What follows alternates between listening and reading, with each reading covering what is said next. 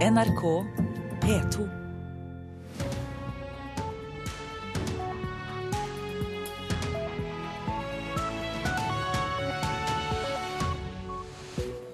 Her skal eh, Øystein Heggen gi deg Nyhetsmorgen. Vi fortsetter med NSB-streiken. Hva betyr det for publikum? Hvorfor er det så vanskelig å komme til enighet? Vi leter etter svar. Finansdepartementet blir bombardert med spørsmål fra Stortinget om statsbudsjettet, nesten 3000. Flere nordmenn ble arrestert av svensk sikkerhetspoliti og utlevert til Gestapo i Norge. Det går fram av en ny bok om annen verdenskrig. Og jeg vil heller finne gleden ved langrenn enn å vinne denne sesongen. Ja, det sier den tidligere dopingsuspenderte Martin Jonsrud Sundby. Streiken blant lokomotivførerne fortsetter, altså som vi hørte i Dagsnytt. Økonomimedarbeider Hedvig Bjørgum, du er med oss fra Oslo sentralstasjon. Si litt mer om hvorfor det ble brudd. Ja, altså At det ikke skjedde noe da etter 16 timer eh, i møte på Riksmeklerens eh, kontor, det bunner nok eh, først og fremst i at det ikke skjedde nok. Arbeidsgiverne er veldig tydelige på, dvs. Si Spekter og NSB, er veldig tydelige på at de føler at de har blitt innkalt til et møte hvor det skjedde så altfor lite. Det er jo disse eh, bestemmelsene om opplæring som man diskuterer veldig intenst. Og spørsmålet har jo vært, siden man venter på nasjonale retningslinjer, hvor lenge skal eh, en avtale om opplæring i NSB vare eh, mens man venter på nasjonale retningslinjer? Altså hvor mye av dette skal inn i tariffavtalen, og for hvor lang tid? Dette her blir de rett og slett ikke enige om, og arbeidsgiverne gikk eh, langt i retning av å si i morges at de føler seg nesten lurt. Denne streiken fortsetter altså, det er viktig for publikum. Men eh, like viktig selvfølgelig er hvilke muligheter det er for å finne en løsning, hvilke muligheter det er for å treffes mellom partene i tida framover? Ja, altså eh, Som alle vet nå, så er det jo ganske kjørt, da, som vi kan si enkelt. Eh, de, de finner jo ikke noe inngang for å avslutte streiken. Og det må de altså gjøre for at togene skal komme i gang igjen. For i dag så er det jo en ny opptrapping. Ehm, eh, de må altså finne ut hvordan de begge parter kan komme seg ut av streiken, kanskje med noe ære i behold. Ehm, fordi dette spørsmålet om hvordan man skal skrive inn eller ikke skrive inn opplæring i en tariffavtale, det er jo en, uansett en sånn sær spesialitet. Og eh, forståelsen blant publikum, den er vel eh, til dels dårlig. Hedvig Bjørgum, hvilke følger får det for publikum? Jo, eh, det vet ikke jeg så mye om akkurat i dag, bortsett fra at jeg møtte køen på Mortensrud klokka 05.48 i dag. Eh, men jeg står her med Åge Kristoffer Lundeby, og han er informasjonssjef i NSB. Nå skal jeg gi headsetet mitt til han, så skal dere få høre. Det er altså Oslo S vi er på nå. Vi har snakket med Hedvig Bjørgum, og vi skal snakke med Åge Kristoffer Lundeby, kommunikasjonssjef i eh, NSB. Takk for at du er med oss. Eh, streiken trappes altså opp i dag. Hvilke virkninger får det? Det får først og fremst betydning for eh, Sørlandsbanen, der seks lokomotivførere er tatt ut i streik i Kristiansand. Og det får betydning for seks regiontog på Sørlandsbanen i dag. Det er altså seks av hvor mange tog?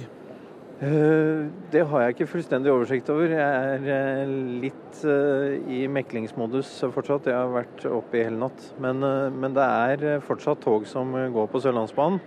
Og mitt, min anbefaling er at kunder som skal reise med Sørlandsbanen, går inn på nsb.no eller vår app for å sjekke hvilke avganger som går og ikke. Det var altså opptrappingen på Sørlandsbanen i dag, som gjelder seks avganger i eh, dag. Eh, men eh, virkningene ellers fortsetter vel, og det er spesielt østlandsområdet? Det er særdeles krevende på Østfoldbanen først og fremst, der alle lokaltogene er innstilt, i tillegg til at regiontogene ikke stopper på Moss og i Ski. I tillegg så er det svært mange avganger. Hvis vi legger blikket opp på tavla her, så er det i øyeblikket 17 innstilte tog. Og dette varierer gjennom dagen mellom ca. 15 til 25 tog til enhver tid på tavla. Og det får store konsekvenser Og vi er dypt lei oss for det som passasjerene våre opplever i disse dager. Hva har du å si til dem? Jeg kan ikke annet enn å si at vi forsøkte iherdig i 16 timer uten å lykkes. Og det å ikke lykkes, det å mislykkes rett og slett, det er særdeles krevende. I morgen så er vi kalt inn på nytt til Riksmekleren, og vi det er partene i streiken. Både arbeidsgiversiden og arbeidstakersiden. Og vi skal eh, sammen eh, komme sammen i tvungen mekling, og det er eh, helt vanlig å gjøre når streiken har vart i 30 dager. Det er ren rutine fra Riksmeklerens side. Ingen løsning i denne runden, altså, som varte i 16 timer, som vi hørte Åge Kristoffer Lundeby si, kommunikasjonssjef i NSB. Men så er det altså en tvungen mekling i morgen. Arbeiderpartiet har i år sendt over 1000 spørsmål til Finansdepartementet i tilknytning til neste års statsbudsjett. Og det er nesten dobbelt så mange spørsmål enn det som er blitt stilt av partiet som er nest mest vitebegjærlig. Men hvis vi ser på antall spørsmål per stortingsrepresentant, så står et parti fram som soleklar vinner.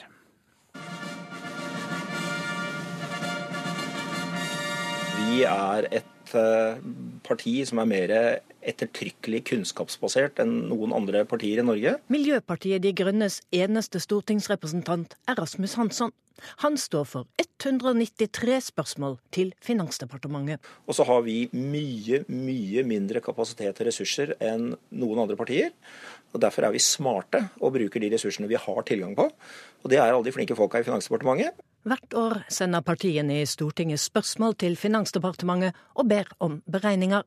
Først og fremst på kostnader for ulike tiltak, sparemuligheter eller konsekvenser for samfunnet. Vi er mest spent på svarene på når vi spør hva vil være klimaeffekten av tiltak ditt og datt. Suverent på spørretoppen sammenlagt i år er altså Stortingets største parti, Arbeiderpartiet, med over 1000 spørsmål. Det er henimot dobbelt så mange som de stilte i fjor.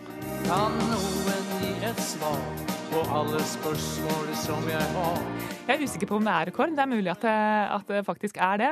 Marianne Martinsen er partiets finanspolitiske talsperson. Og så er det jo en situasjon i Stortinget nå, og vi nærmer oss et valg som gjør at eh, det alternative budsjettet som Arbeiderpartiet legger fram nå, det må vi faktisk kunne styre på i ytterste konsekvens. På andreplass finner vi SV med 537 spørsmål.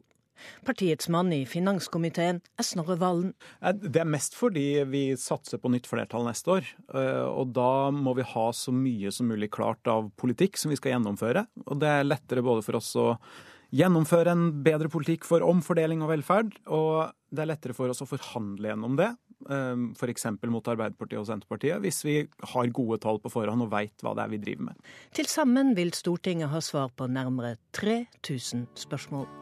The answer, my friend, is blowing in the wind. The answer is blowing in the wind. Men verken spørsmål eller svar blir tatt av vinden i Finansdepartementet. Der jobbes det både sent og tidlig, forteller statssekretær Jørgen Nesje fra Frp. Det er mye jobb, og mange sitter lange dager nå og svarer spørsmål på Stortinget. Eh, og jeg sitter selv hver kveld til sent på natten. Kan det bli for mange? Stortinget må få svar på det de spør om. Det er veldig viktig for at eh, partiene skal ha et godt vurderingsgrunnlag når de lager sine alternative budsjetter og kommer med forslag. og Derfor så prøver vi å svare ut de spørsmålene så godt som vi bare kan. Hender det at eh, dere får spørsmål dere syns er litt dumme? Ingen spørsmål er, eh, er dumme. Og spørsmålet om hvem som var reporter, det har jeg, og jeg har også svaret. Det var Katrin Hellesnes. Så går vi over til det avisene er eh, opptatt av. Eh, halve pensjonen kan forsvinne, er oppslaget i Dagens Næringsliv. De dyreste selskapene tar fem ganger så mye som de billigste for å forvalte nordmenns kapitalbevis, som er opptjente pensjonsrettigheter fra tidligere arbeidsgiver. Flytt pengene, er rådet ekspertene gir. Gullønn i dagligvare, skriver Finansavisen. Lederne i de store kjedene håver inn, og toppsjefer i Rema og Norgesgruppen har over 10 millioner kroner i lønn. Flere andre ledere har over 5 millioner kroner i årslønn. Kronprinsen åpner for innsyn i sin private formue, som offentligheten ikke har innsyn i vanligvis, skriver Dagbladet. Den er på 9 millioner kroner pluss verdifulle eiendommer, bl.a. Skaugum gård i Asker. Barn ekskluderes, har ikke råd til å være med i norsk idrett, skriver Bergensavisen. Norges idrettsforbund ser alvorlig på situasjonen. Svømmeforbundet oppfordrer klubbene til å bli kvitt de dyreste draktene fra barneidretten, som er ekstremt dyre å kjøpe. Maria Grette ble svindlet for flere tusen euro via internett og dro til Nigeria for å møte bedrageren. Og der møtte 69-åringen en angrende synder i et organisert svindelapparat, kan VG fortelle. LO og NHO frykter mer kriminalitet i arbeidslivet og svekket konkurranse for små og mellomstore bedrifter med det nye regelverket for offentlige anskaffelser. Det skriver Dagsavisen. Terskelen for å kreve anbud ved offentlige anskaffelser heves, og NHO og LO krever en evaluering av regelverket innen seks måneder. Ordføreropprør mot politireform er oppslaget i Nasjonen. Nærmere 80 ordførere mener regjeringens reform med færre politikontorer vil gå på sikkerheten løs. Det kan føre til at folk tar loven i egne hender, sier Høyre-ordfører Kristine Trones i Hemnes i Nordland. Nye Tøyen er satt på vent, er oppslaget i Aftenposten.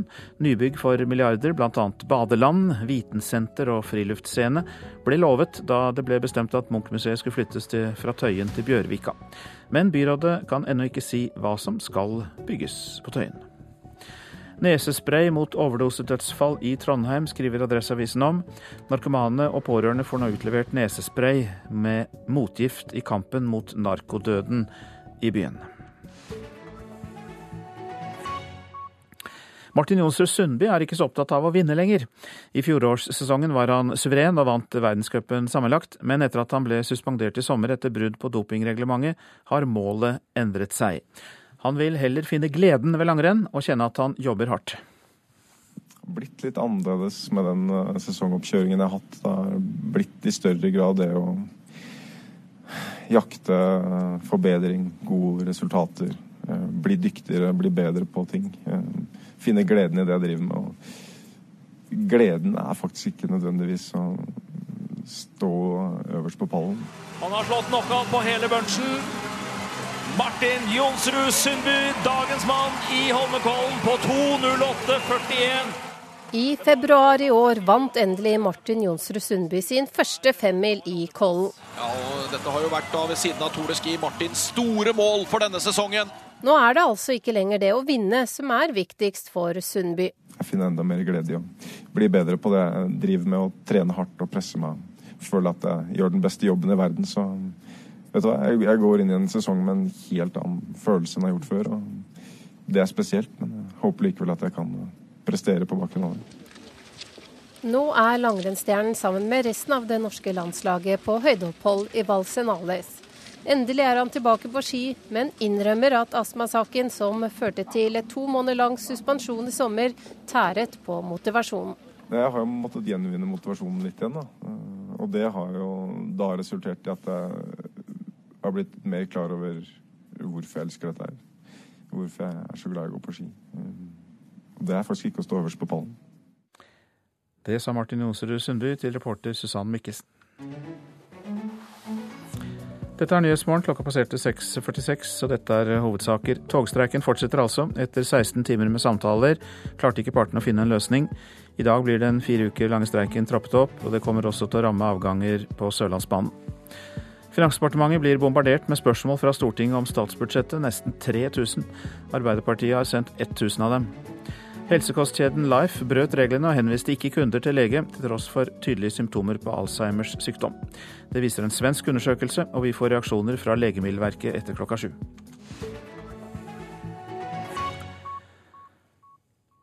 Vi går bakover i historien. Forholdet mellom Norge og Sverige under annen verdenskrig var ikke så hjertelig som krigshistorien kan ha gitt inntrykk av. Det går fram av boka Det svenske sviket 19 før 1945, som kommer ut i dag. Svenske myndigheter var en viktig samarbeidspartner for Tyskland gjennom de dramatiske krigsårene.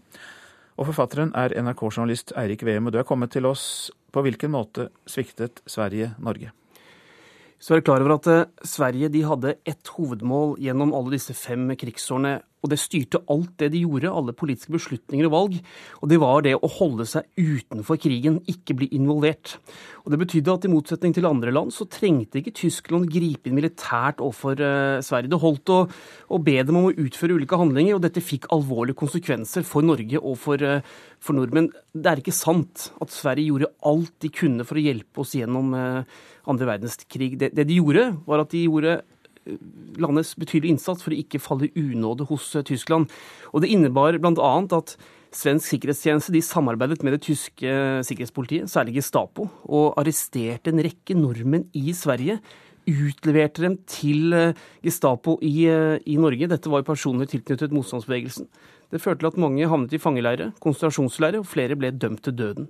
Jøder ble avvist ved grensene så lenge så lenge de forsøkte å komme inn i, i, i, Sverige. og Årsaken var at svenske myndigheter ikke, ikke ønsket å blande jødisk og, og, svensk blod. Og dette skjedde selv etter at Sverige visste hva som kom til å skje med jødene ute, ute i Europa. Og den svenske forsvarsledelsen hadde tett samarbeid med, med tyske offiserer, også SS-offiserer.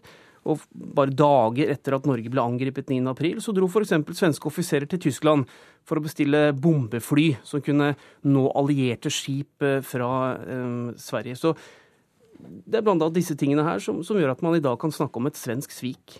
Men likevel har vi hørt om utallige rømminger over grensen til Sverige i løpet av krigen, der de ble tatt imot, og til dels historier om at de ble tatt vel imot. Ja, og eh, alle ble tatt imot, eller mange ble tatt imot. Men gjennom de første krigsårene så var det en god del som ble avvist fordi svenskene mente de ikke, ikke oppfylte kravene. Og de som slapp inn, de måtte gjennom en ganske, ganske grundig undersøkelse, i og for seg slik det skjer i dag. Det var ikke sånn at det var, var garantert opphold, i hvert fall ikke frem til 1943-1944. Og ble man funnet at det ikke var grunnlag for opphold, eller at man var en trussel mot rikets sikkerhet, eller, og dette er viktig, kunne forstyrre Sveriges forhold til andre land, også Tyskland, så ble man utvist. Og um, da ble man sendt tilbake til Norge og den skjebnen som, som var der. Men for svenske politikere så var det jo et gedigent dilemma. Altså For dem så kom vel Sverige og det svenske folket først, altså folket og det svenske territoriet. Og da kunne de kanskje ikke helhjertet støtte Norge. Ja da, og det mente man den gangen, og det er det mange som mener nå også. Og denne boken her er jo ikke ment som noen sånn kritikk av det Sverige gjorde. Noen ganger kan kanskje svik mot et nabofolk forsvares. Men denne boken her fokuserer på de valgene som svenskene tok og konsekvensene det fikk for oss her i Norge. Og At de hadde gode forklaringer på det, og har det fortsatt, det er også viet plass her. Men jeg har forsøkt å ta dette her litt videre og, og vise frem hvilke konsekvenser får et svik fra et broderfolk. Du nevnte at det særlig gjaldt de første årene, så dette endret seg i løpet av krigen, kanskje? Ja da, Etter hvert så ble jo Sverige opptatt av å havne på den riktige siden, for å si det sånn. Og, og gjennom 1943 spesielt, kanskje også 44, så endrer de, eh, endrer de side og, og, prøver å komme mer inn i inn, inn, inn, på de allierte og, og ikke, ikke provosere mer enn nødvendig. Men vi må tenke på at mot slutten av krigen, altså så sent som i vår 1945, så driver fortsatt Sverige og har betydelige handler med Tyskland. Så de holdt på helt til, helt, helt til det var slutt. Hvorfor er vi ikke så opptatt av det? Hvorfor eh, ble det relativt raskt etter krigen eh, et tettere samarbeid mellom Norge og Sverige igjen? Altså, gjennom krigsårene så var det et intenst hat i Norge mot Sverige, og også blant norske eksilpolitikere. Men kort tid etter krigen, så bare uker, måneder, så får norske myndigheter beskjed om at eh, svenske myndigheter ettergir et ganske stort lån som er brukt for å bygge opp bl.a. polititroppene. Og da blir man enige om å forsones, komme seg videre. Samarbeid er bedre enn uvennskap. Og så blir det litt glemt ganske, ganske raskt. Og i likhet med veldig mye annet i norsk krigshistorie, så var man kanskje litt mer opptatt av å fokusere på de eh, historiene som skapte samhold og, eh, og stolthet, enn en det som var splittende. Og så, eh, så ble, det, ble det rett og slett glemt og gjemt bort. En bok som kommer ut i dag, 'Det svenske sviket' heter den, og eh, forfatteren har vi nettopp hørt fra. NRK-journalist eh, Eirik Veum. Takk skal du ha. Regjeringen eh, har vedtatt å rive Y-blokka i regjeringskvartalet. Det har vel de fleste fått med seg. Men så kommer Riksantikvaren nå med et annet forslag. La den stå. Riv deler av den. Først og fremst så mener vi at Y-blokka bør bevares. Det sier Hanna Geiran, avdelingsdirektør hos Riksantikvaren. Regjeringen har vedtatt at Y-blokka i regjeringskvartalet skal rives, men i en høringsuttalelse anbefaler altså Riksantikvaren å bevare Y-blokka. Og de kommer også med et annet alternativ. Så er det sånn at uh, vi har foreslått et alternativ, og det er å bygge om Y-blokka til en, det vi kaller en C-blokk. Vil si at den fløyen som vender opp mot Deichmanske bibliotek, rives, og at man får en bygning som ligger langs Ring 1. Og det betyr at man kan få tatt vare på de store kulturhistoriske verdiene som ligger i bygningen og kunsten, samtidig som man kan eh, gjøre sånn at plassen foran Deichman blir tilbakeført, og at eh, Deichmanske bibliotek ligger, eh, blir tydeligere i bybildet. Det er en veldig viktig bygning. Har, bygningen har kunstnerisk utsmykning av internasjonal kaliber med Picasso. Og det er også en lillebroren til Høyblokka. Vi står her på Picassos bursdag, og det bak her, det er jo en kjempesvær gave. For selv om kommunal- og moderniseringsminister Jan Tore Sanner holder fast ved avgjørelsen om å rive blokka, er det mange som fortsatt kjemper for å bevare den, og senest i går kveld ble det holdt en støtteaksjon utenfor blokka. Dette er en Picasso til folket. Det er ikke veldig mange andre steder i verden hvor man har valgt å putte en Picasso ut i gata, så folk som går forbi, kan se den. Det sa Ola Fjellheim i Fortidsminneforeningen fra scenen under aksjonen. En annen som var til stede, var Mariann Thomassen fra bandet Surferosa. Det er rett og slett et veldig eh, kunstnerisk, arkitektorisk eh, viktig eh, monument. Som jeg syns absolutt burde være her. Ikke minst med tanke på hva som har skjedd her. Så syns jeg ikke det er rett å rive og sette opp noe nytt som kommer til å minne oss kanskje enda mer om den forferdelige terroren som skjedde her. Men eh, det er vedtatt at Y-blokka skal rives. Er det for sent å slåss for denne saken? Det er aldri for sent å slåss. Det må folk, det må folk lære seg. Og så gjenstår det å se om kampen fortsatt er mulig å kjempe. Jan Tore Sanner, neste gang så kommer vi med lenkene, OK?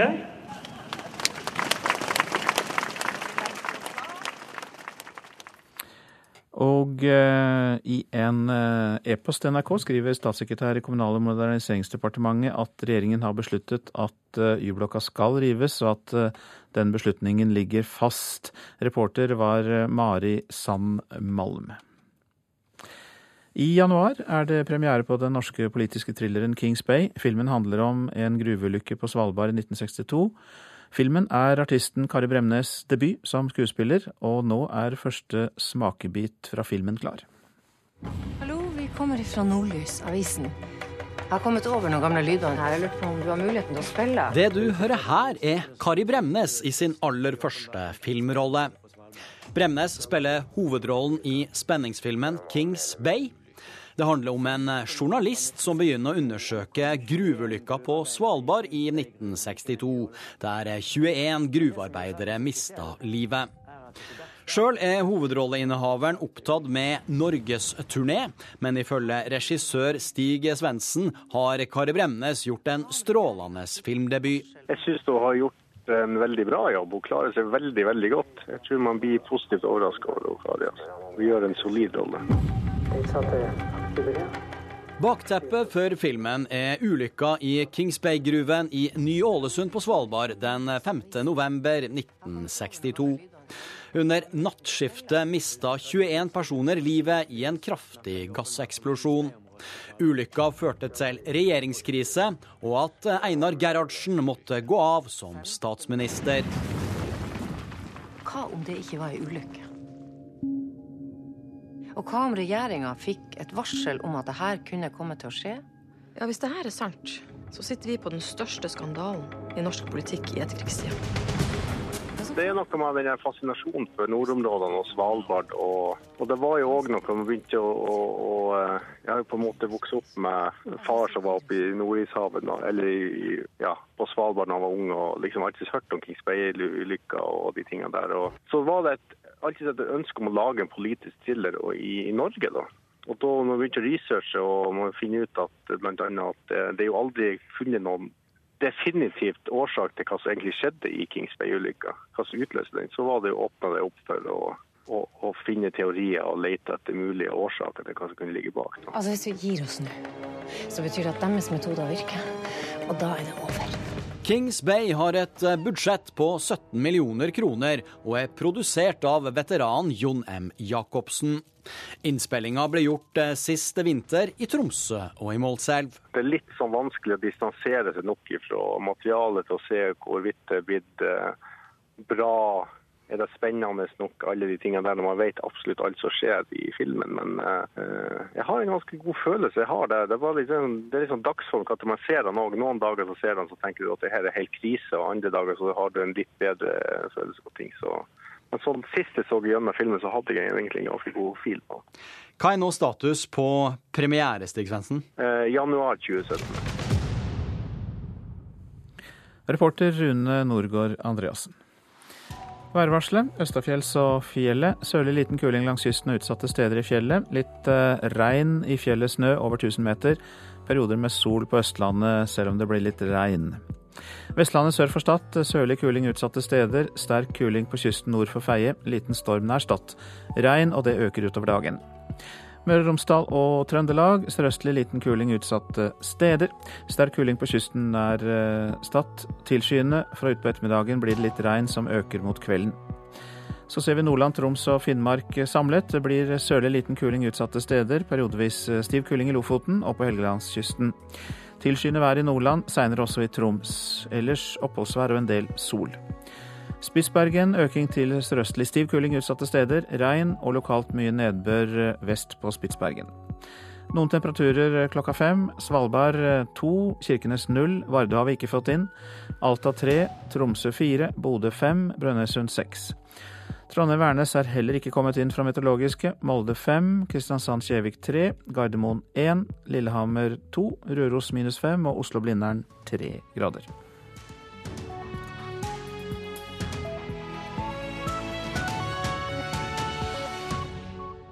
NRK P2. Ja, de forhandlet i 16 timer, men nådde ikke fram. Togstreiken fortsetter, hørte vi i Dagsnytt, og vi tar inn vår reporter fra veiene inn mot Oslo fra sør. Andre saker i Nyhetsmorgen nå. Helsekostkjede brøt reglene og henviste ikke kunder til lege til tross for tydelige symptomer på Alzheimers sykdom. To russiske marinefartøyer i Østersjøen vekker oppsikt i Sverige. En sterk markering, sier forsker ved det svenske forsvarets høyskole. Og Donald Trump mener Hillary Clintons Syria-plan kan føre til tredje verdenskrig. Ja, streiken blant lokomotivførerne fortsetter. Reporter Kaja Figenschou, du er ved Tusenfryd, nær Vinterbrokrysset i Ås kommune. Hvordan ser det ut på innfartsveiene? Du, På innfartsveiene inn til Oslo E6 e sørfra så er det tett trafikk. Det er mange som har valgt bil denne morgenen, hvor vi da har fått vite at eh, streiken skal bli eh, utvidet. Jeg skal bare ta en kjapp prat med Anne Mette Gordvik. Nå kommer akkurat bussen til Ryen. Du er eh, første passasjer i, i køene her nå. Begynner du å bli lei av streiken? Ja, nå er jeg lei. Nå håper jeg det snart er en mulig løsning, så vi kan få sitteplasser på bussen inn. vi så akkurat bussen til Oslo, den måtte kjøre rett forbi. Ja, denne pleier å være grei å gå på. Ja. Hun går altså på bussen, denne bussen til Ryen. Her er det flere sitteplasser. Det er eh, stadig vekk folk som kjører inn til eh, innfartsparkeringen og stopper her i håp om å komme med en buss. Men det som er problemet, er jo at det allerede er fullt av passasjerer i eh, disse pendlerbussene. De er jo fulle allerede av busspassasjerer, og nå får de da også følge med togpassasjerene. Så de er fulle. Flere busser kjører nå rett forbi. Det har de gjort de siste dagene. Mens vi har stått her, har det også stoppet elbiler som eh, tar med seg passasjerer, fordi da får de lov til å benytte seg av kollektivfeltet. Så det er i hvert fall en mulighet til å eh, få seg bekjentskap og bli kjent med andre under denne streiken. Så nå kommer det enda en buss. Vi får se om eh, den kjører forbi. Det er litt sånn mutte fjes selvfølgelig når disse bussene kjører pendler eh, rett forbi. Jeg snakket med passasjerer i går i Oslo. De kunne fortelle om eh, stappfulle busser og ganske vanskelige kår når man da skal stå inn på disse pendlerbussene. Mange håpet jo at meklingen som var i går skulle føre fram. Det gjorde den ikke, så får vi se da. I morgen så er det jo ny mekling, og det er mange, mange, mange som håper at det skal bli en løsning på denne konflikten. Takk skal du ha, reporter Kaja Figenschou ved Tusenfryd, nær Vinterbrokrysset sør for Oslo. Og det er jo sterkest virkning av streiken der fordi trafikken på Østfoldbanen eh, er eh, Det er ingen trafikk der for pendlerne inn mot eh, Oslo. Også i tillegg trappes streiken altså opp i dag. Lokførere tas ut på Sørlandsbanen, og en del avganger blir kansellert der også i dag. Partene i togstreiken kom altså ikke fram til en løsning. Kommunikasjonsdirektør Gunnar Larsen i Spekter mener Lokomotivmannsforbundet har gitt de reisende falske forhåpninger. Realiteten så har ikke Lokomotivmannsforbundet endret noen posisjoner. Det er vi eh, veldig skuffa over, og synes det er sterkt beklagelig at de nå i over et døgn har ført passasjerer og kunder av jernbanen bak lyset ved å skape forhåpninger om at denne streiken kunne bli løst. Dermed går togstreiken inn i sin fjerde uke, og tusenvis av pendlere på Østlandet må finne seg i lange køer og buss for tog. I tillegg trappes streiken opp med seks nye lokførere på Sørlandsbanen fra i dag. Leder Rolf Ringdal i Norsk Lokomotivmannsforbund sier de har kommet NSB i møte. Han beklager situasjonen overfor passasjerene. Dette er svært beklagelig at ikke NSB var villig til å nå akseptere en enighet rundt en, en nasjonal standard for lokførerkompetansen. Eh, vi har beveget oss eh, for å komme NSB i møte på det, og vi syns dette er svært beklagelig. Spesielt i forhold til de passasjerene som nå fortsatt vil være rammet av en streik. Men det var ingen reell bevegelse hos lokførerne, sier Larsen i Spekter. Men når det kommer til, eh, til kjernen, så viser det seg at de ønsker fortsatt å ha kontroll på utdanning og kompetanse på evig tid inn i tariffavtalen eller i en særbestemmelse som ikke da er tidsregulert. Hva skjer nå videre i eh, denne streiken? Nei, nå er det jo sånn at det er innkalt en tvungen mekling nå på torsdag, altså i morgen. Så får vi se, da. Reporter Kristine Hirsti. Nå om helsekostkjeden Life, som brøt reglene og ikke henviste kunder til lege til tross for tydelige symptomer på Alzheimers sykdom. Det viser en undersøkelse som den svenske TV-kanalen SVT har gjort i 30 helsekostbutikker. I kun eh, seks av Life-butikkene ble kunden rådet til å oppsøke lege. Nå endrer Life rutinene for opplæring av ansatte i både Norge og Sverige, som et direkte resultat av avsløringene. Vi ser veldig alvorlig på dette. De måste gå ut eh, direkte til kundene og si at det her kan jeg ikke hjelpe deg med, utan du måste oppsøke en lege først. Det forteller HR-sjef i Life, Maria Hernandez. Men selv om reglene er klare på når ansatte i Life skal henvise kunden videre til lege, er det ikke dette som skjer når SVT undersøker praksisen. Med skjult kamera legger reporter Malin Otander frem historien om moren som har begynt å glemme viktige ting, som bursdager. Hun forteller også at de har Alzheimers i familien, og spør om det er noe som kan virke forebyggende. Svaret er ja fra de butikkansatte, og de henviser ikke til lege. Er det noen av dem her som skulle typ kunne jobbe forebyggende, eller? Eh, än så länge får hun inte säga det, men jag gör så här. Du nickar? ja, så. Eh, absolutt. På direkte spørsmål i en annen butikk om hvilke produkter som hjelper mot Alzheimers, får reporteren et annet råd. Hvilket er mot Alzheimers? Gurkmeie? Det kan liksom hjelpe til å stoppe litt, så det ikke blir så Som, Hvordan vet man det, eller at det skal hjelpe mot Alzheimers? De ansatte forteller reporteren at det er forskning som ligger bak anbefalingen av gurkemeie mot Alzheimers. Dette har de, ifølge den interne opplæringen, ikke lov til å si. I dag kurses de ansatte én gang i året om gjeldende regelverk, både fra Mattilsynet, Legemiddelverket og Det europeiske legemiddelverket. Samtidig er det opp til hver enkelt butikksjef å sørge for gjennomføringen av dette kurset. Det er helt tydelig ikke bra nok, sier Hernandez. Vårt system som vi har i dag, viser, altså, det har jo svakheter, og det er presis det vi må endre på. Nå lover Life forbedringer. Heretter er det ledelsen som skal passe på at alle ansatte gjennomfører kurs. Og der er budskapet klart. Kommer det noen med symptomer på alvorlig sykdom, er det dette som skal skje. Da skal de henvise til en lege, det er det aller første de skal gjøre. Det nye kurset skal også gjennomføres på nett, noe Hernandez mener vil gjøre det mye tydeligere hva den enkelte ansatte faktisk har lært. De har lest alle sider, og så kan vi også følge opp med en kunnskapskontroll, der vi kan se at de også har forstått den informasjonen som de har lest. Og Vi legger til at det nye opplæringssystemet til Life skal være på plass i januar 2017 etter planen. Reporter Lena Gundersby Gravdal. Steinar Madsen, god morgen. God morgen. Du er fagdirektør i Legemiddelverket. Og eh, som vi hørte fra undersøkelsen, henviste altså ikke Life kunder til lege selv ved mistanke om eh, alvorlig sykdom. Hva mener eh, dere om det? Ja, Vi er jo helt enige med det som blir sagt i denne reportasjen, at disse pasientene må jo henvises til lege. Behandling med kosttilskudd osv. må skje da i samråd med lege. For vi vet jo at noen kosttilskudd f.eks. kan ødelegge virkningen av viktige medisiner. Så, så det, vi er helt enige i at dette må bli bedre. Gurki Meie mot Alzheimers, hva vil du si om det? Det finnes ingen dokumentasjon for at det virker mot Alzheimer. Men tror du dette er vanlig i uh, helsekostbutikker? Ja, det er nok vanligere enn vi liker. Fordi det er jo gjort tilsvarende undersøkelse i Norge, og der er også disse kjedene kommet relativt dårlig ut. Hvor pasienter med f.eks. hjertesykdom har kommet og fått råd om eh, tilskudd som de ikke skulle bruke fordi de brukte sterkt sterktvirkende medisiner. Ja, Du nevnte at noen tilskudd faktisk kunne ha dårlig effekt eller ødelegge effekten av eh, medisiner. Eh, på hvilke områder kan det skje?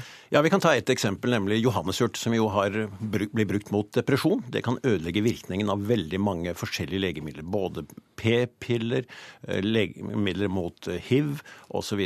Mange legemidler kan ødelegges av johannesurt. Slik at ingen skal bruke johannesurt uten at det har vært i kontakt med lege.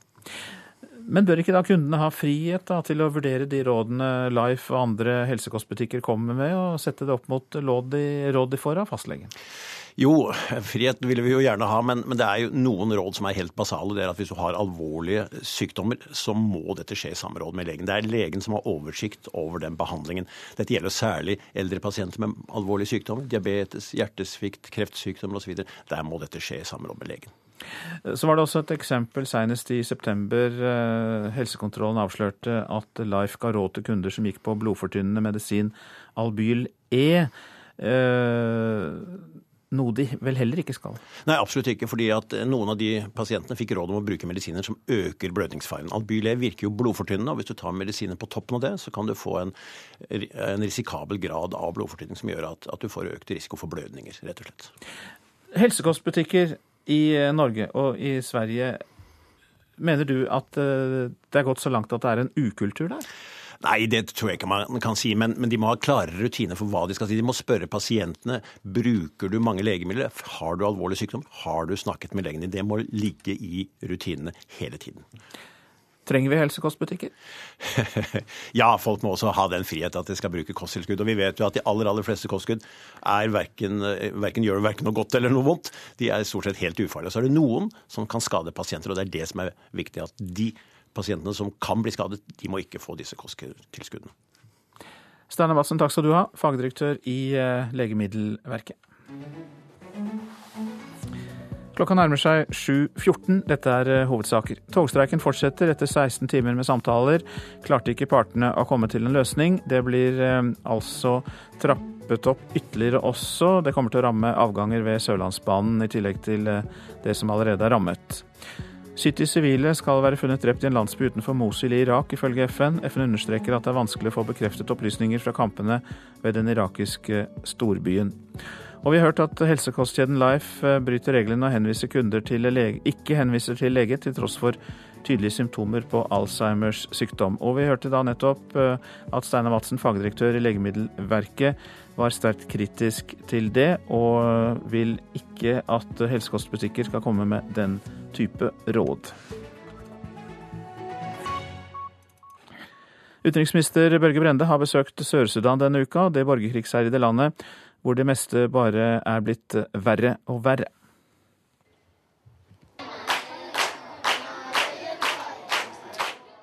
Et norsk besøk og åtteåringene på Håpets skole i flyktningleiren Pok 3 fikk en pause i matteundervisningen. Hit kom de som slapp unna morderbandenes geværer og macheter desembernatten for tre år siden, da borgerkrigen begynte. Doktor. Doktor. En sjenert jentunge forteller om håp og ambisjoner. Børge Brende har vært i landet tre ganger før som utenriksminister, men aldri har det vært verre enn nå. Det er i hvert fall ikke deres skyld at eh, lederne i dette landet eh, kriger mot hverandre. Så mange stiller jo meg det spørsmålet er det noe vits å gi hjelp til Sør-Sudan. Så Vi skal ikke gi til myndighetene, men å stille opp for de med de store humanitære behovene og for de barna her, så de ikke mister enhver fremtid. Det syns jeg faktisk er viktig. Senere på dagen skal han møte presidenten. Verdenssamfunnet mener at Salwa Kiir beriker seg selv, mens halvparten av landets befolkning må ha hjelp for å overleve. Ja, jeg er spent på å se hva han vil love av reformer fremover. Det haster. 2,6 millioner er på flukt.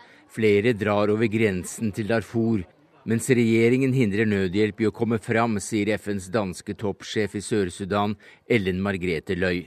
Våre restriksjoner på vår bevegelsesfrihet er så store. Hva sier du til Salwa Kiir? Jeg sier at det er uakseptabelt, og at vi er ikke her for å lave regimetjeneste. Vi er her for å støtte den sydsudanesiske befolkning, og det skal vi alle sammen arbeide for. Fredsprosessen som det internasjonale samfunn hadde presset gjennom, ble skutt i filler i juli. Visepresident Rik Mashar rømte landet. Han og president Salwa Kiir tilhører hver sin stamme, og begge vil ha makt og et sugerør ned i oljebrønnene. Oljen som skulle gi verdens nyeste stat en fin framtid.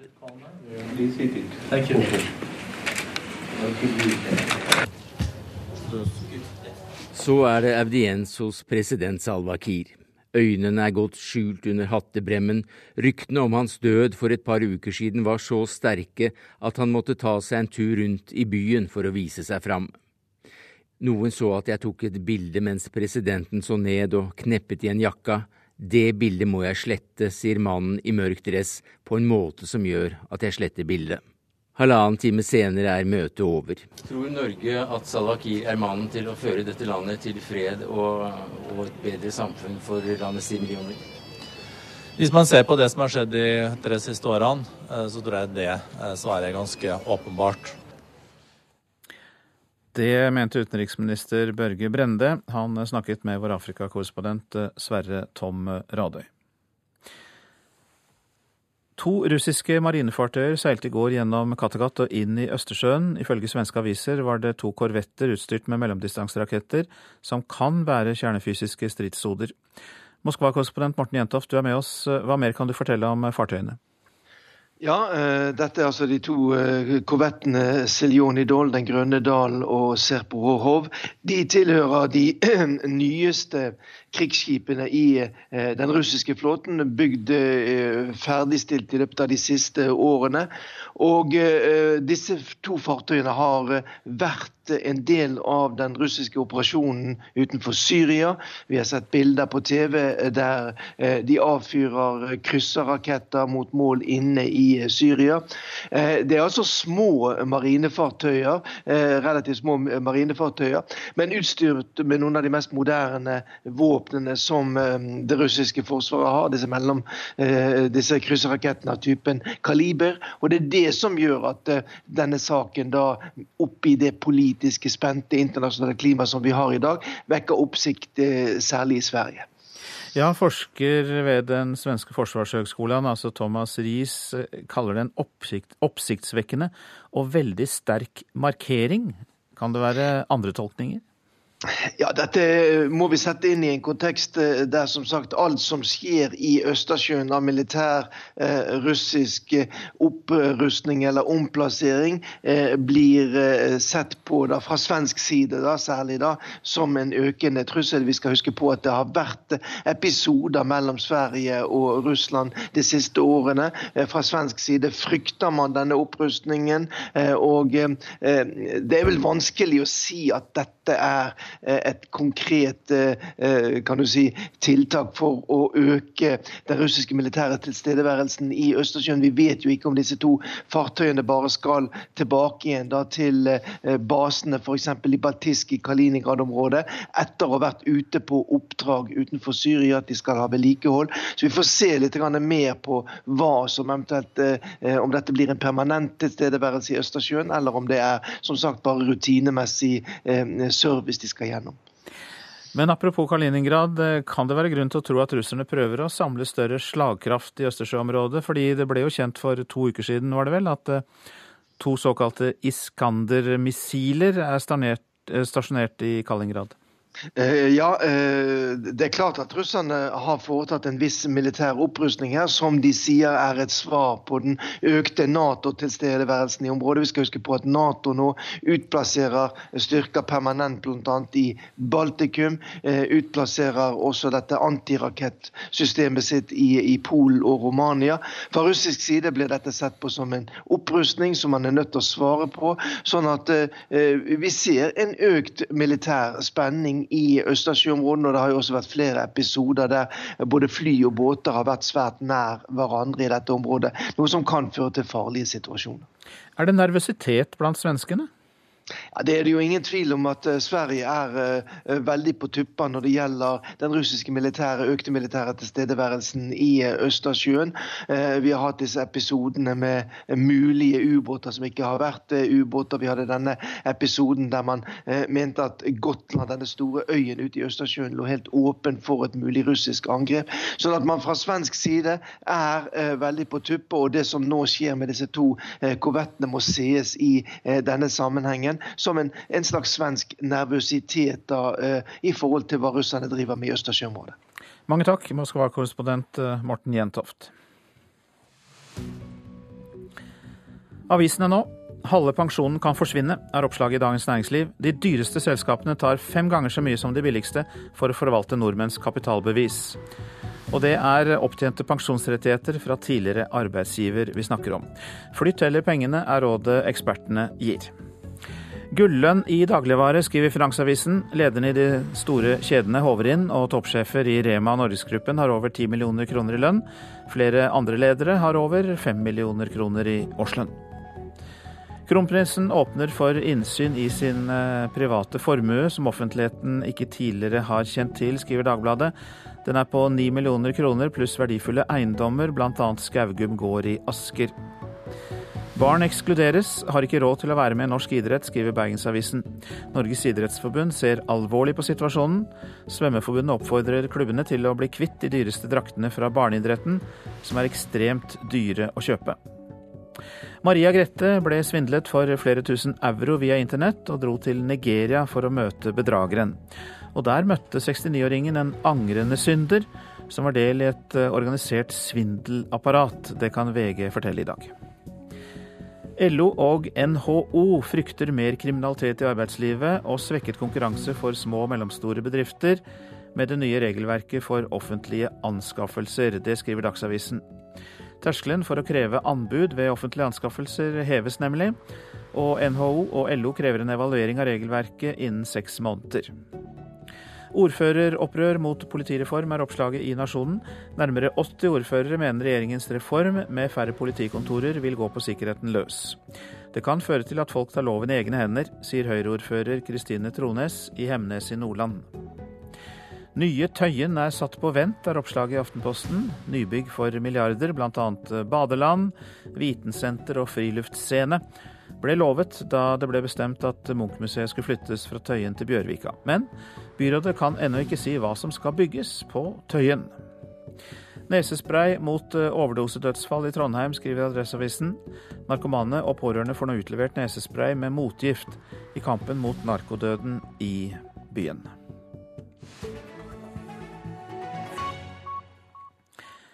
Den republikanske presidentkandidaten Donald Trump mener rivalen Hillary Clintons Syria-plan kan føre til tredje verdenskrig. Trump ligger etter på meningsmålingene med fem prosentpoeng i snitt på nasjonale målinger, og uh, slutter uh, samtidig med pengeinnsamling for uh, det republikanske partiets kandidater. She has no plan for Syria. And look, with her, you'll end up in World War III. She doesn't know what she's doing. Just like with Libya, just like with everything else she's Det er i et intervju med Reuters om utenrikspolitikk Donald Trump kommer med uttalelsen. Han mener tredje verdenskrig kan bryte ut fordi det i Syria kan bli sammenstøt med militære styrker fra et land som har atomvåpen, et land som viser vilje til å bruke dem framfor å snakke. Syria now is no longer Syria. Syria is Russia and the new Iran that we built. Det handler ikke om Syria, men om Russland og Iran, sier Trump. Han mener kampen mot IS er viktigere enn ønsket om å fjerne president Assad fra makta i Syria. Demokratenes kandidat Hillary Clintons plan er en flyforbudssone, som skal gjøre det tryggere på bakken for sivile. Trump mener Clinton vil slite med å håndheve en slik sone,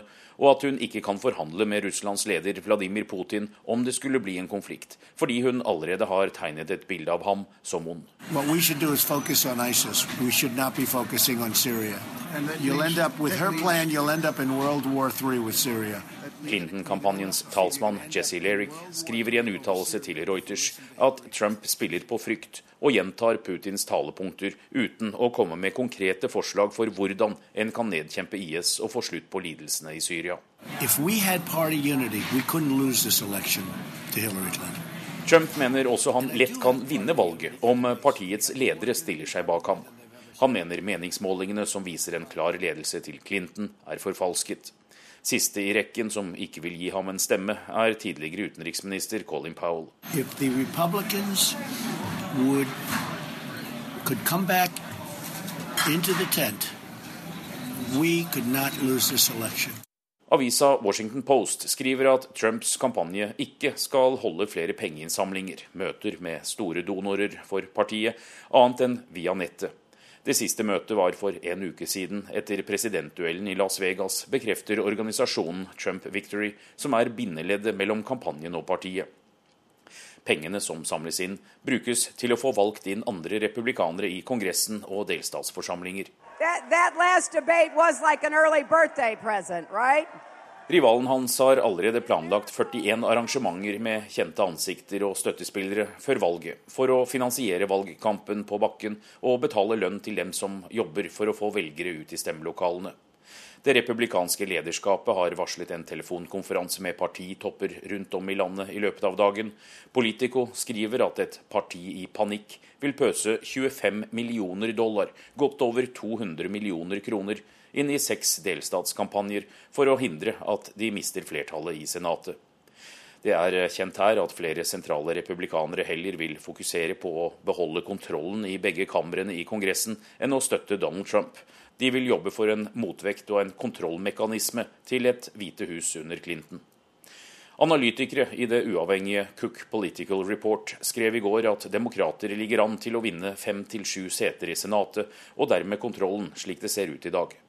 Ifølge Reuters har Trump også bedt dem som arbeider med å finne kandidater til nøkkeljobber i en Trump-administrasjon, om å prioritere annerledes.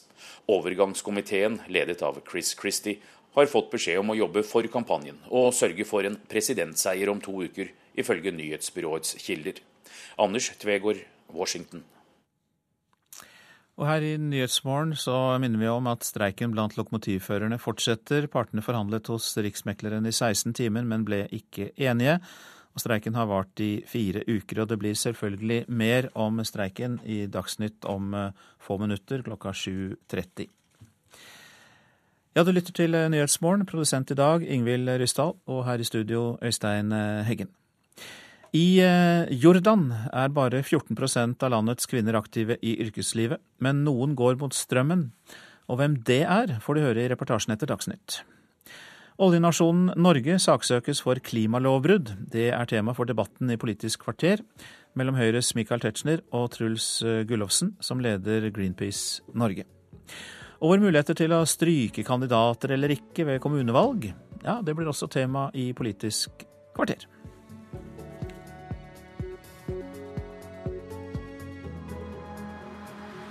NRK P2.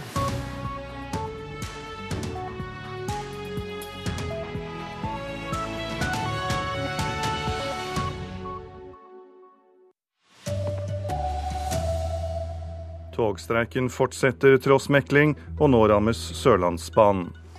Helsekostkjede brøt regler og henviste ikke kunder til lege.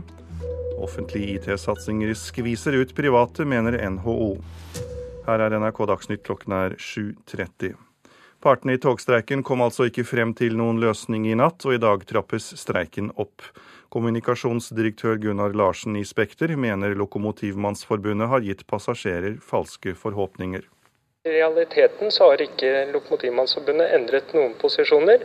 Det er vi eh, veldig skuffa over, og synes det er sterkt beklagelig at de nå i over et døgn har ført passasjerer og kunder av jernbanen bak lyset ved å skape forhåpninger om at denne streiken kunne bli løst. Dermed går togstreiken inn i sin fjerde uke, og tusenvis av pendlere på Østlandet må finne seg i lange køer. I tillegg trappes streiken opp med seks nye lokførere på Sørlandsbanen fra i dag. Leder Rolf Ringdal i Norsk Lokomotivmannsforbund sier de har kommet NSB i møte.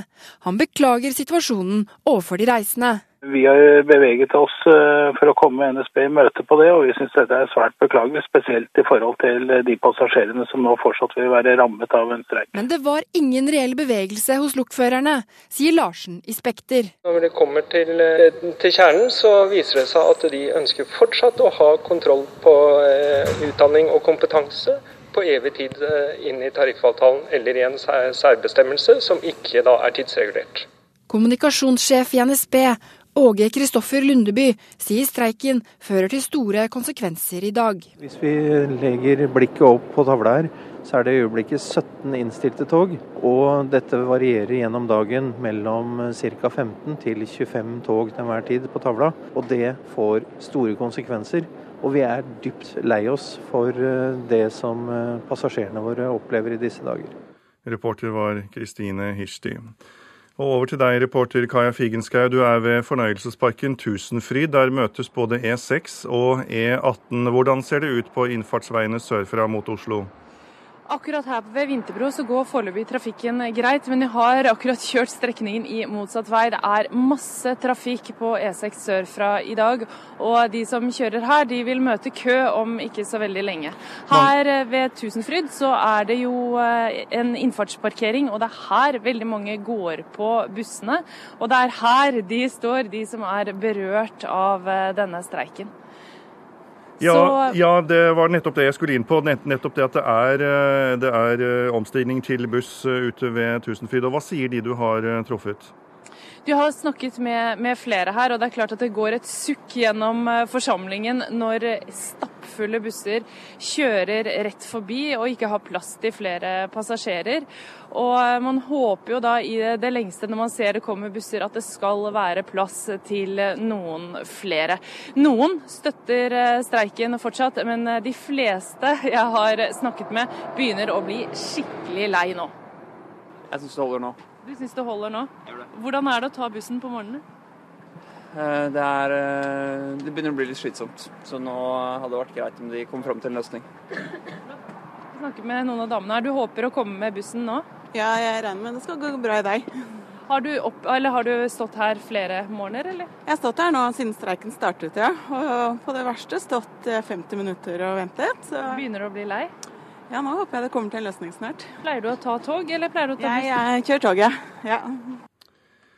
Helsekostkjeden Life brøt reglene og henviste ikke kunder til leger til tross for tydelige symptomer på Alzheimers. Det viser en undersøkelse som Sveriges Televisjon har gjort i 30 helsekostbutikker. I kun seks av Life-butikkene ble kundene rådet til å oppsøke lege. Nå endrer Life rutinene både i Norge og Sverige etter avsløringen.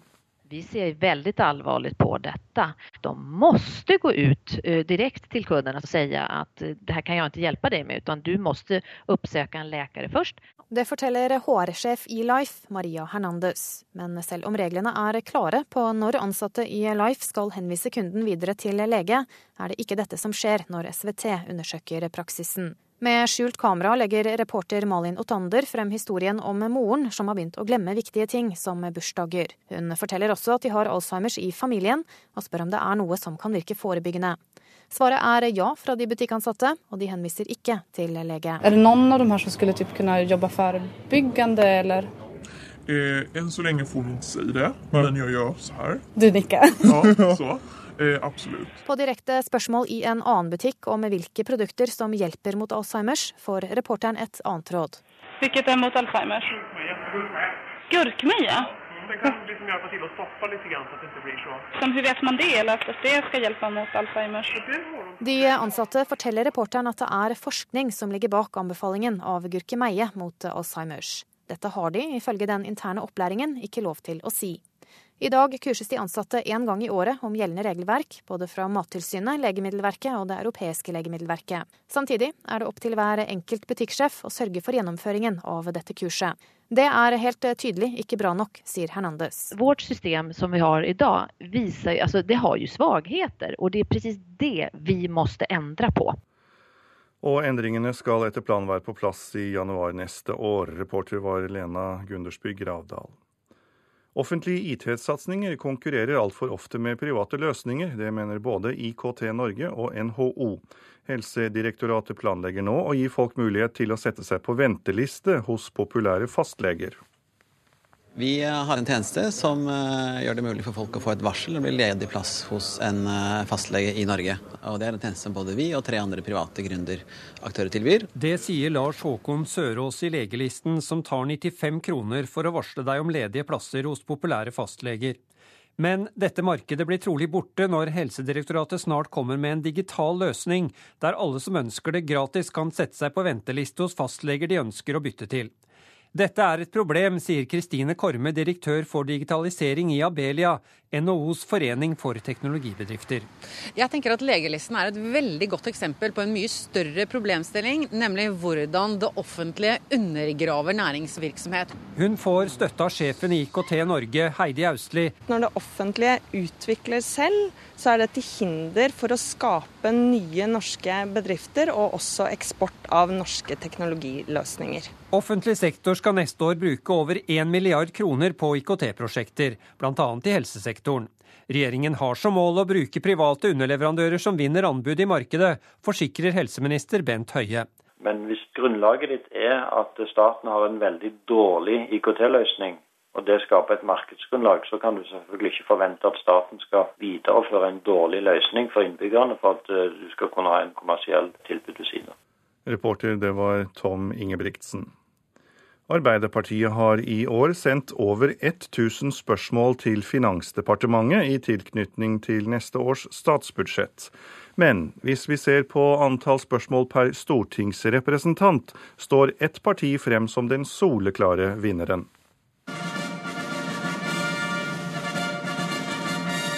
Vi er et parti som er mer ettertrykkelig kunnskapsbasert enn noen andre partier i Norge. Miljøpartiet De Grønnes eneste stortingsrepresentant er Rasmus Hansson.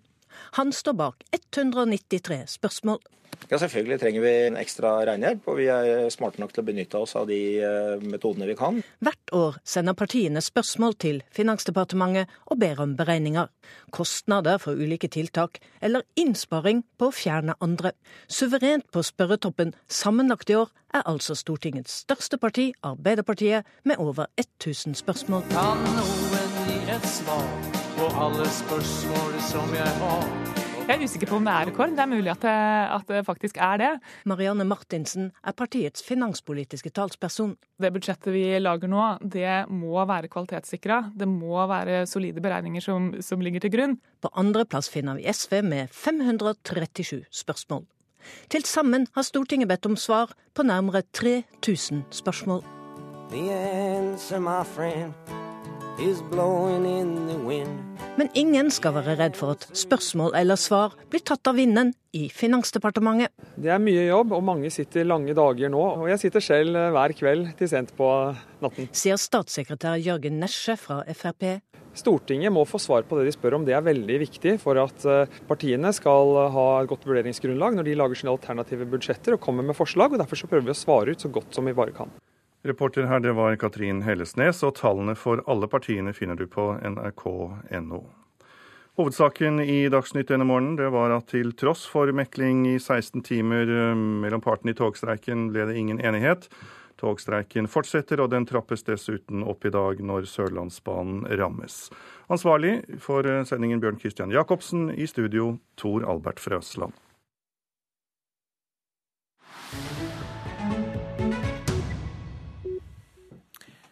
Du lytter til eh, Nyhetsmorgen. I Jordan er bare 14% av landets kvinner aktive i yrkeslivet, men eh, noen går mot strømmen. I Sarka, nordvest i landet, har 30 kvinner fått lære seg et nytt håndverk, og etter 18 måneders skolegang er de klare for å gå ut i arbeidslivet.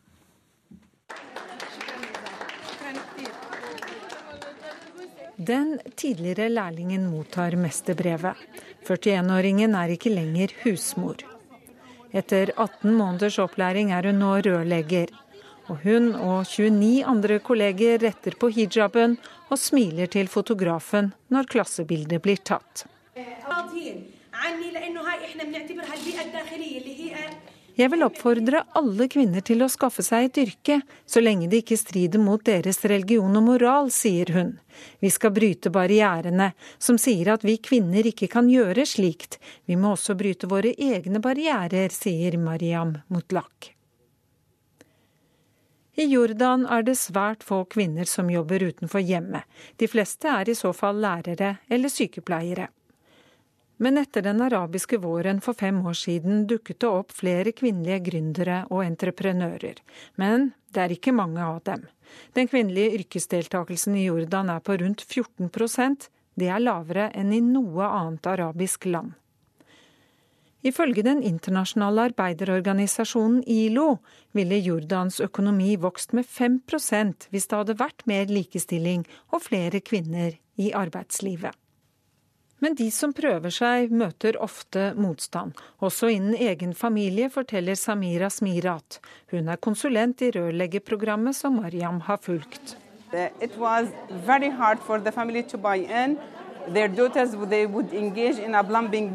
Det er vanskelig for familiene å godta at deres døtre skal begynne som rørlegger. Vi må jobbe med å etablere tillit mellom oss og dem, sier hun til nyhetsbyrået Ap. Rørleggerprogrammet kom i gang med finansiell støtte fra USA. I et land der det er strenge regler for hvordan kjønnene får lov til å omgås, kan det være lettere for en kvinnelig rørlegger å få komme på hjemmebesøk når et rør har sprunget lekk. For i hjemmene er det jo gjerne damene som regjerer. Mariam var først skeptisk, men mannen hennes, som arbeider i en blomsterbutikk, mente det var verdt forsøket.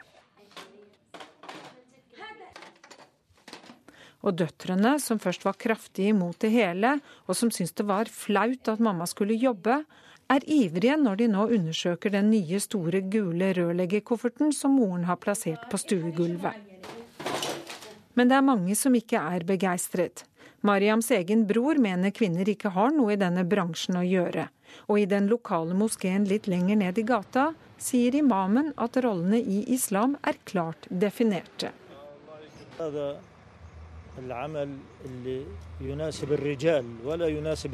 Menn forsørger familien, og kvinner skal være hjemme og ta seg av barna. Å være rørlegger er ikke noe for en kvinne, sier Akram al-Boreini. Nyhetsbyrået Ap møter den ferske rørleggeren på jobb. Hun er på en skole der flere kraner skal byttes ut. Datteren Lara har stukket innom moren for å se hvordan det går.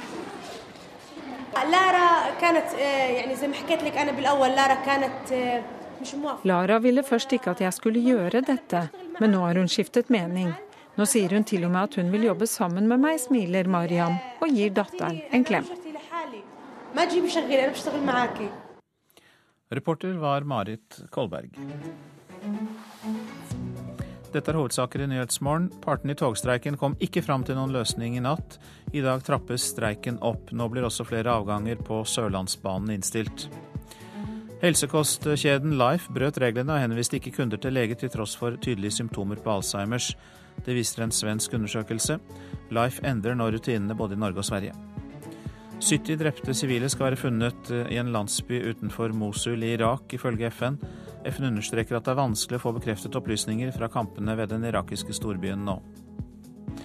Offentlige IT-satsinger konkurrerer altfor ofte med private løsninger, mener IKT Norge og NHO.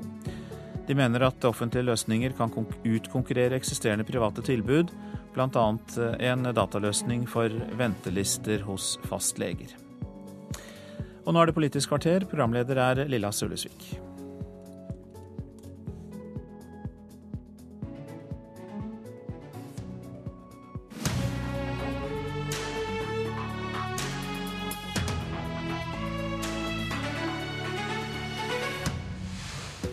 Miljøorganisasjoner går til sak mot oljestaten Norge.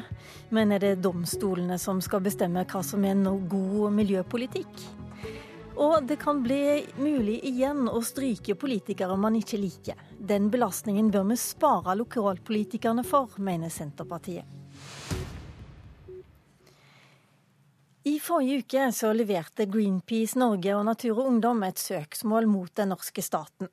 Bakgrunnen er lisenser til å lete etter olje som er gitt i Barentshavet, og organisasjonene mener det strider mot Grunnlovens forpliktelse til å verne naturen og miljøet. Truls Gullovsen, du er leder i Greenpeace, og det kan jo virke som om dere nå ser til jussen for saker dere har tapt i politikken. Skal vi regne det som en ny trend? Det er en uh, stor sak å ta en sak til retten. Uh, I Norge er det veldig vanskelig og veldig dyrt. Men vi ser at det er en internasjonal trend å, å, å, ta klimaspørsmålet til retten. Og det er mange gode grunner til det. Og den tydeligste grunnen er at i klimasaken så er det en enorm avstand med det som alle vet at vi må gjøre, og det som ulike politikere eh, faktisk gjør. Og i Norge så er vi så heldige at vi har en veldig tydelig og ny grunnlovsparagraf som nettopp gjør det tydelig at det er, det er statens ansvar å sikre et godt miljø. Så dette blir spennende. Michael Tetzschner, du er stortingsrepresentant for Høyre og sitter i kontrollkomiteen bl.a. Du vil ikke ha noe av at domstolene bestemmer norsk miljøpolitikk, har du sagt til Klassekampen. Men uh, hvorfor det egentlig, hvis politikerne ikke klarer å følge Grunnloven? Jo, men det er jo det som er spørsmålet. Eh, det flertallet som utformer norsk utvinningspolitikk, mener jo at utvinningspolitikken er i samsvar med både menneskerettigheter og med den nå også litt eh, skjerpede formuleringen i 112. Og Dermed så kommer vi over på det politiske felt. Et problem med noen av grunnlovsformuleringene er jo også at de er ganske åpne, generelle og skjønnspregede. Eh, og når de er det, så betyr det jo at eh, et mindretall egentlig vil legge ehm, dette på dommernes spor, til dommernes skjønnsmessige og verdimessige utprøving. Og Det mener vi er et felt for politikken. Og så er det jo selvfølgelig også sånn at jeg har sett stevningen den, den, retter seg mot forvaltningsvedtaket, og den har jo også andre angrepspunkter som er helt i orden, hvis jeg bare kan si det. Eh, nemlig Eh, om det er utredet nok osv. Det, det er noe en dommer eventuelt kan gå i gang med. Men når det gjelder å overprøve eh, avveiningen mellom konkurrerende tiltak, så er det politikkens domene. Men de fleste som møter en, eller, ja, de en rettssak, de mener jo sjøl at de har vært innenfor loven. Så det er vel ikke noe spesielt for politikere at dere syns dere er innenfor loven? Nei, De fleste som møter en rettssak, mener nødvendigvis ikke det. Men, de prosederer i hvert fall på det? Men temaet som, det som det, man kan forelegge en dommer, det er jo selvfølgelig eh, mer allmenne rettslige regler som går på saksbehandling, som går på rettsfakta som kan føres. Men her må det altså så mange ledd av politiske resonnementer til Eh, for å komme frem til det resultatet som Greenpeace eh, har gjort her. At eh, man vil si, domstolen vil si dette er politiske skjønnsspørsmål, og dette har også Stortinget uttalt seg om. Gullovsen, hva vil du oppnå egentlig? Ja, det vi vil oppnå, det vi ber om, er jo at retten skal ugyldiggjøre de lisensene som er blitt tildelt i Barentshavet, som regjeringen har tildelt i Barentshavet, fordi at vedtaket er i strid med, med Grunnlovens miljøparagraf. Eh, og det er jo som Michael Tetzschner sier, det er en vurdering som vi ber domstolen gjøre. Vi mener at, eh, at eh, ved å tildele lisensene, så har regjeringen gjort en feil vurdering av forholdet mellom klimaforpliktelsene, hensyn til framtidige generasjoner og kortsiktig politisk gevinst. Og det er jo nettopp derfor vi har domstoler, og det er derfor vi har en grunnlovsparagraf som, som Michael Tetzschner har vært med å vedta og skjerpe og jeg syns jo du skal være stolt Michael, for at du, denne paragrafen som du har vært med å vedta, nå blir brukt i retten fordi at den har fått et skjerpet innhold som lovgiver Stortinget ønsket å ha og nå blir den brukt. Men det, det blir spennende. Ja, det har jeg lyst til å høre litt, eh, Michael Tetzschner. Hva var vitsen med å skjerpe inn den, eh, den, grunnlovsparagrafen hvis det ikke var meningen den skulle brukes? Jo da, på et eller annet tidspunkt så møtes jo politikken og jussen, men det går jo da på eh, hvor det er en direkte sammenheng mellom et forvaltningsvedtak og et uh, umistelig gode. Men her eh, vil jo Stortingets flertall, det har diskutert dette i årevis, si at det er forenlig, så lenge det ikke er forbud mot uh, oljeutvinning, at Norge har, har Eh, har oljeutvinning. Og eh, vår oljesektor er knyttet til eh, kvoteordningene. Og det ferdige produkt, når det eksporteres til mottakerland, vil gå inn i, i, kvoteordninger der. Så dette er jo en miljøpolitikk som både tilgodeser behovet for at vi har energiproduksjon, verdens eh, minst miljøbelastende oljeutvinning som vi har i Norge. Og, og, det er vi også avhengig av for å skape vekst og mange andre av grunnlovsbestemmelsene som går på sosiale rettigheter for øvrig. Så Derfor så blir dette et politisk spørsmål. Og det et mindretall ikke kan forlange, det er at man går til domstolene som mindretall for å overprøve et politisk flertall. Men en jusprofessor som Hans Petter Grava har gått inn og støtta disse organisasjonene i at det, dette er faktisk så alvorlig?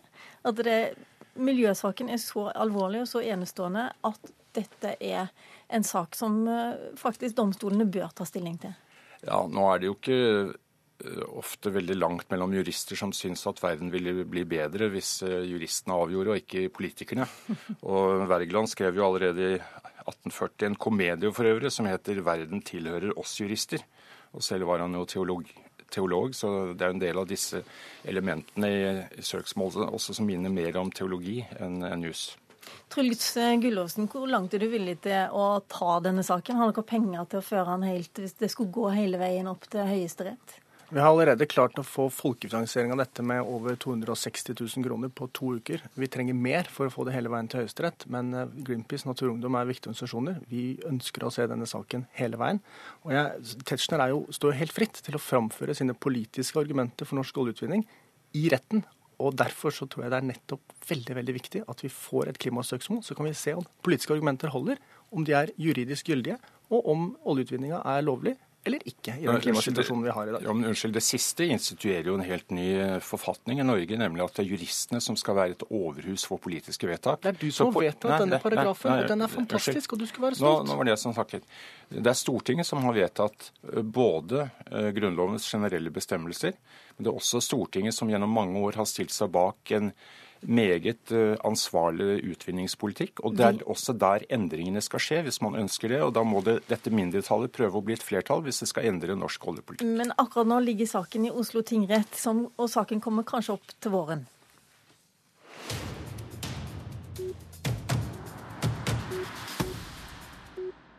Vi skifter tema og debattanter, for til neste kommunevalg kan det igjen bli flertall for at vi alle kan stryke kandidater vi ikke liker.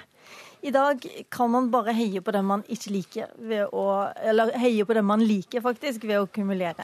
Og Helge André Njåstad, du leder kommunalkomiteen i Stortinget og står bak forslaget bl.a. med Michael Tetzschner, som gikk ut døra nå. De siste lokalpolitikerne som ble strøket fra lista, var i 1999. Og hva mener du vi vinner på å stryke og gjeninnføre den muligheten? Nei, Det er jo at eh, folk får større påvirkning på hvem som skal sitte i et kommunestyre. Eh, vi må aldri frykte, frykte folket, og demokratiet må utvikles. og Den ordningen var det mange som satte pris på, fordi man hadde et engasjement i hvem som skulle styre kommunene, både på godt og vondt. Eh, og Vi ser ingen grunn til at ikke det skal fremdeles være sånn at velgerne både kan gi positiv tilbakemelding til de de vil ha inn i kommunestyret, men òg kunne gi en tydelig melding til de politikerne de syns ikke bør sitte i et kommunestyre. Så Vi syns den ordningen med stryking er en viktig del av demokratiet, og foreslår derfor i dag at det skal gjeninnføres. Så sent som i vår så gikk dere imot faktisk deres egen regjeringsforslag om å gi større muligheter for velgerne til å bestemme listene i stortingsvalg. Er det viktigere at velgerne får bestemme listene i kommunevalg enn i stortingsvalg? Ja, ja da er det òg. Fordi at eh, lokalvalg handler mer om personer enn parti. Eh, der er det folkestyre folkestyret er sammensatt sånn at hvem som sitter i et kommunestyre har masse å si. På riksplan så er det mer partiene og partiprogrammene som, som styrer. Eh, og så er det sånn at Vi gikk imot regjeringen. Regjeringen var pålagt å fremme et sånt forslag av Stortinget. og Vi vurderte at eh, tida var ikke moden for å gjøre store endringer på eh, hvordan man sammensetter Stortinget denne gangen. Det kan jo nesten virke som man tenker mer på seg sjøl og sin egen stortingsplass enn på de som skal stille i kommunestyret? Nei, nei, nei på, ingen, på ingen måte. Vi tenker først og fremst på folket og demokratiet, og ønsker da at det er velgerne som skal være sjefen i, i, i kommunestyrevalg. og Eh, det skulle jo bare mangle når man kan eh, gi ekstra kryss til noen, at man òg kan gi uttrykk for at eh, kanskje en kontroversiell kandidat kan få en strykning hvis man ikke ønsker at han skal sitte i kommunestyret videre. Det vil du ikke utsette lokalpolitikerne for, Trygve Slagsvold Vedum. Du er leder i Senterpartiet. Hvorfor det? Forslaget mener vi drar norsk politikk mer i en amerikansk retning. og vi det er selvfølgelig ekstremt det vi ser i USA nå, da, men der, du, der handler mer om å være negativ til motkandidaten enn å være positiv til den du er for. Og Det er jo det fine med ordninga som vi har nå. At du kan gi et ekstra kryss. Du kan stemme ekstra positivt for den du liker best. Eh, så vi er redd for at eh, hvis man gjeninnfører det med stryking, så blir det mer, enda mer sånn negativ personretting. Og, og, det ønsker ikke vi. Vi ønsker at i Norge skal vi ha valgkamper som handler om hvem er det du vil ha inn. Eh, at det skal være det positive som er drivkraften. Ikke det her at vi også skal begynne med sånne der lokale strykinger. Og så er det eh, et sånt mer sånn praktisk argument også, eh, mot det. og det er at jeg sjøl har spurt noen som er litt usikker på om de tør å stille opp, den lokale FAU-lederen, altså engasjert i den lokale skolen. Så er det litt skummelt å stille opp. Eh, stilte opp og fikk noe positive kryss og fikk et positivt møte med politikken. Og hvis du da for første gangen du stiller deg litt på hugg, spesielt en del unge kvinner har merka det før, at de får mye strykinger, så er det en veldig brutal start med politikken.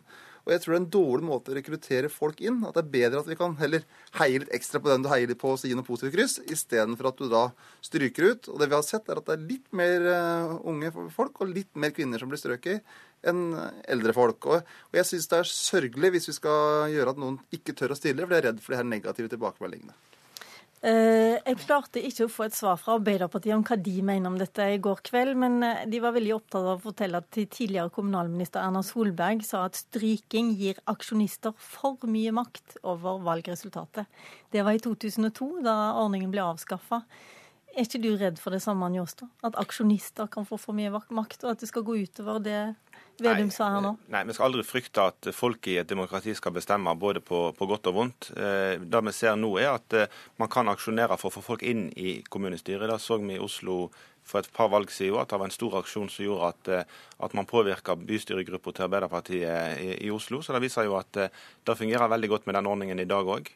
Eh, og ved å gjeninnføre strykning så gir man mer reelt demokrati, at man både på, på godt og vondt kan eh, kan eh, styre sammensetningen av et kommunestyre. Så jeg tror ikke vi skal av hensyn til lokalpolitikere eh, eh, begrense folket sin makt, sånn som Senterpartiet sier. Og jeg syns det er litt rart at, at, Senterpartiet, som alltid vil tilbake til sånn det var før, i dette tilfellet ikke, ikke lytter til oss når vi sier at vi vil tilbake til noe sånn som det var på 90-tallet, så sier de at nei, vi må se framover. Det var, var, jo første gang jeg opplevde på mine tre år på Stortinget at, at Senterpartiet ikke syntes alt var mye bedre før. Ja, Har du glemt at du er konservativ, Slagsvold ja, Vi er en positiv gjeng, da. Så vi, vi, ser positivt på livet, og vi ønsker da at vi skal ha den positive valgkampen der vi kan gi positive tilbakemeldinger. Men altså, du er jo også veldig opptatt av lokalvalg, eh, og ja. at velgerne skal, ha, skal, bety mest mulig ja, deres egen eh, ja, mening. Og, det er absolutt, og det er mulig å forsterke det positive enda mer enn eh, det vi har i dagens system. At de positive kryssa gir enda større utslag.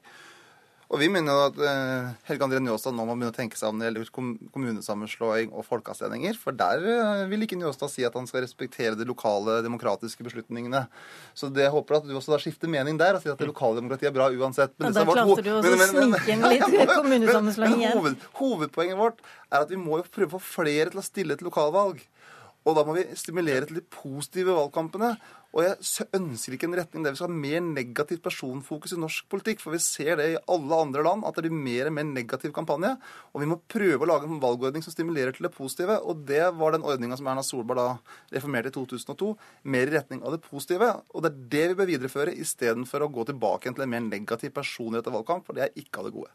Njåstad, hvordan skal du få den lokale FAU-lederen til å stille opp hvis uh hvis han frykter at han skal bli strøket og utsatt for sånt? Jeg, jeg tror ikke lokalpolitikerne frykter å bli eh, strøkne. Hvis man skulle diskutert lo lokalpolitikere sitt ve og vel, så er det jo mye verre det som skjer fra dag til dag på Facebook og, og sosiale medier enn akkurat den ene valget der velgerne gir sin tilbakemelding. Velger, kandidatene må tåle klare, ærlige tilbakemeldinger. Det tror jeg de, de, de gjør òg. Eh, så, så, dette handler om å gi velgerne mer makt, og det er viktig for valgdeltakelsen. Den er synkende, og vi er nødt til å vitalisere demokratiet gjennom at det er velgerne som bestemmer, og ikke frykter velgerne.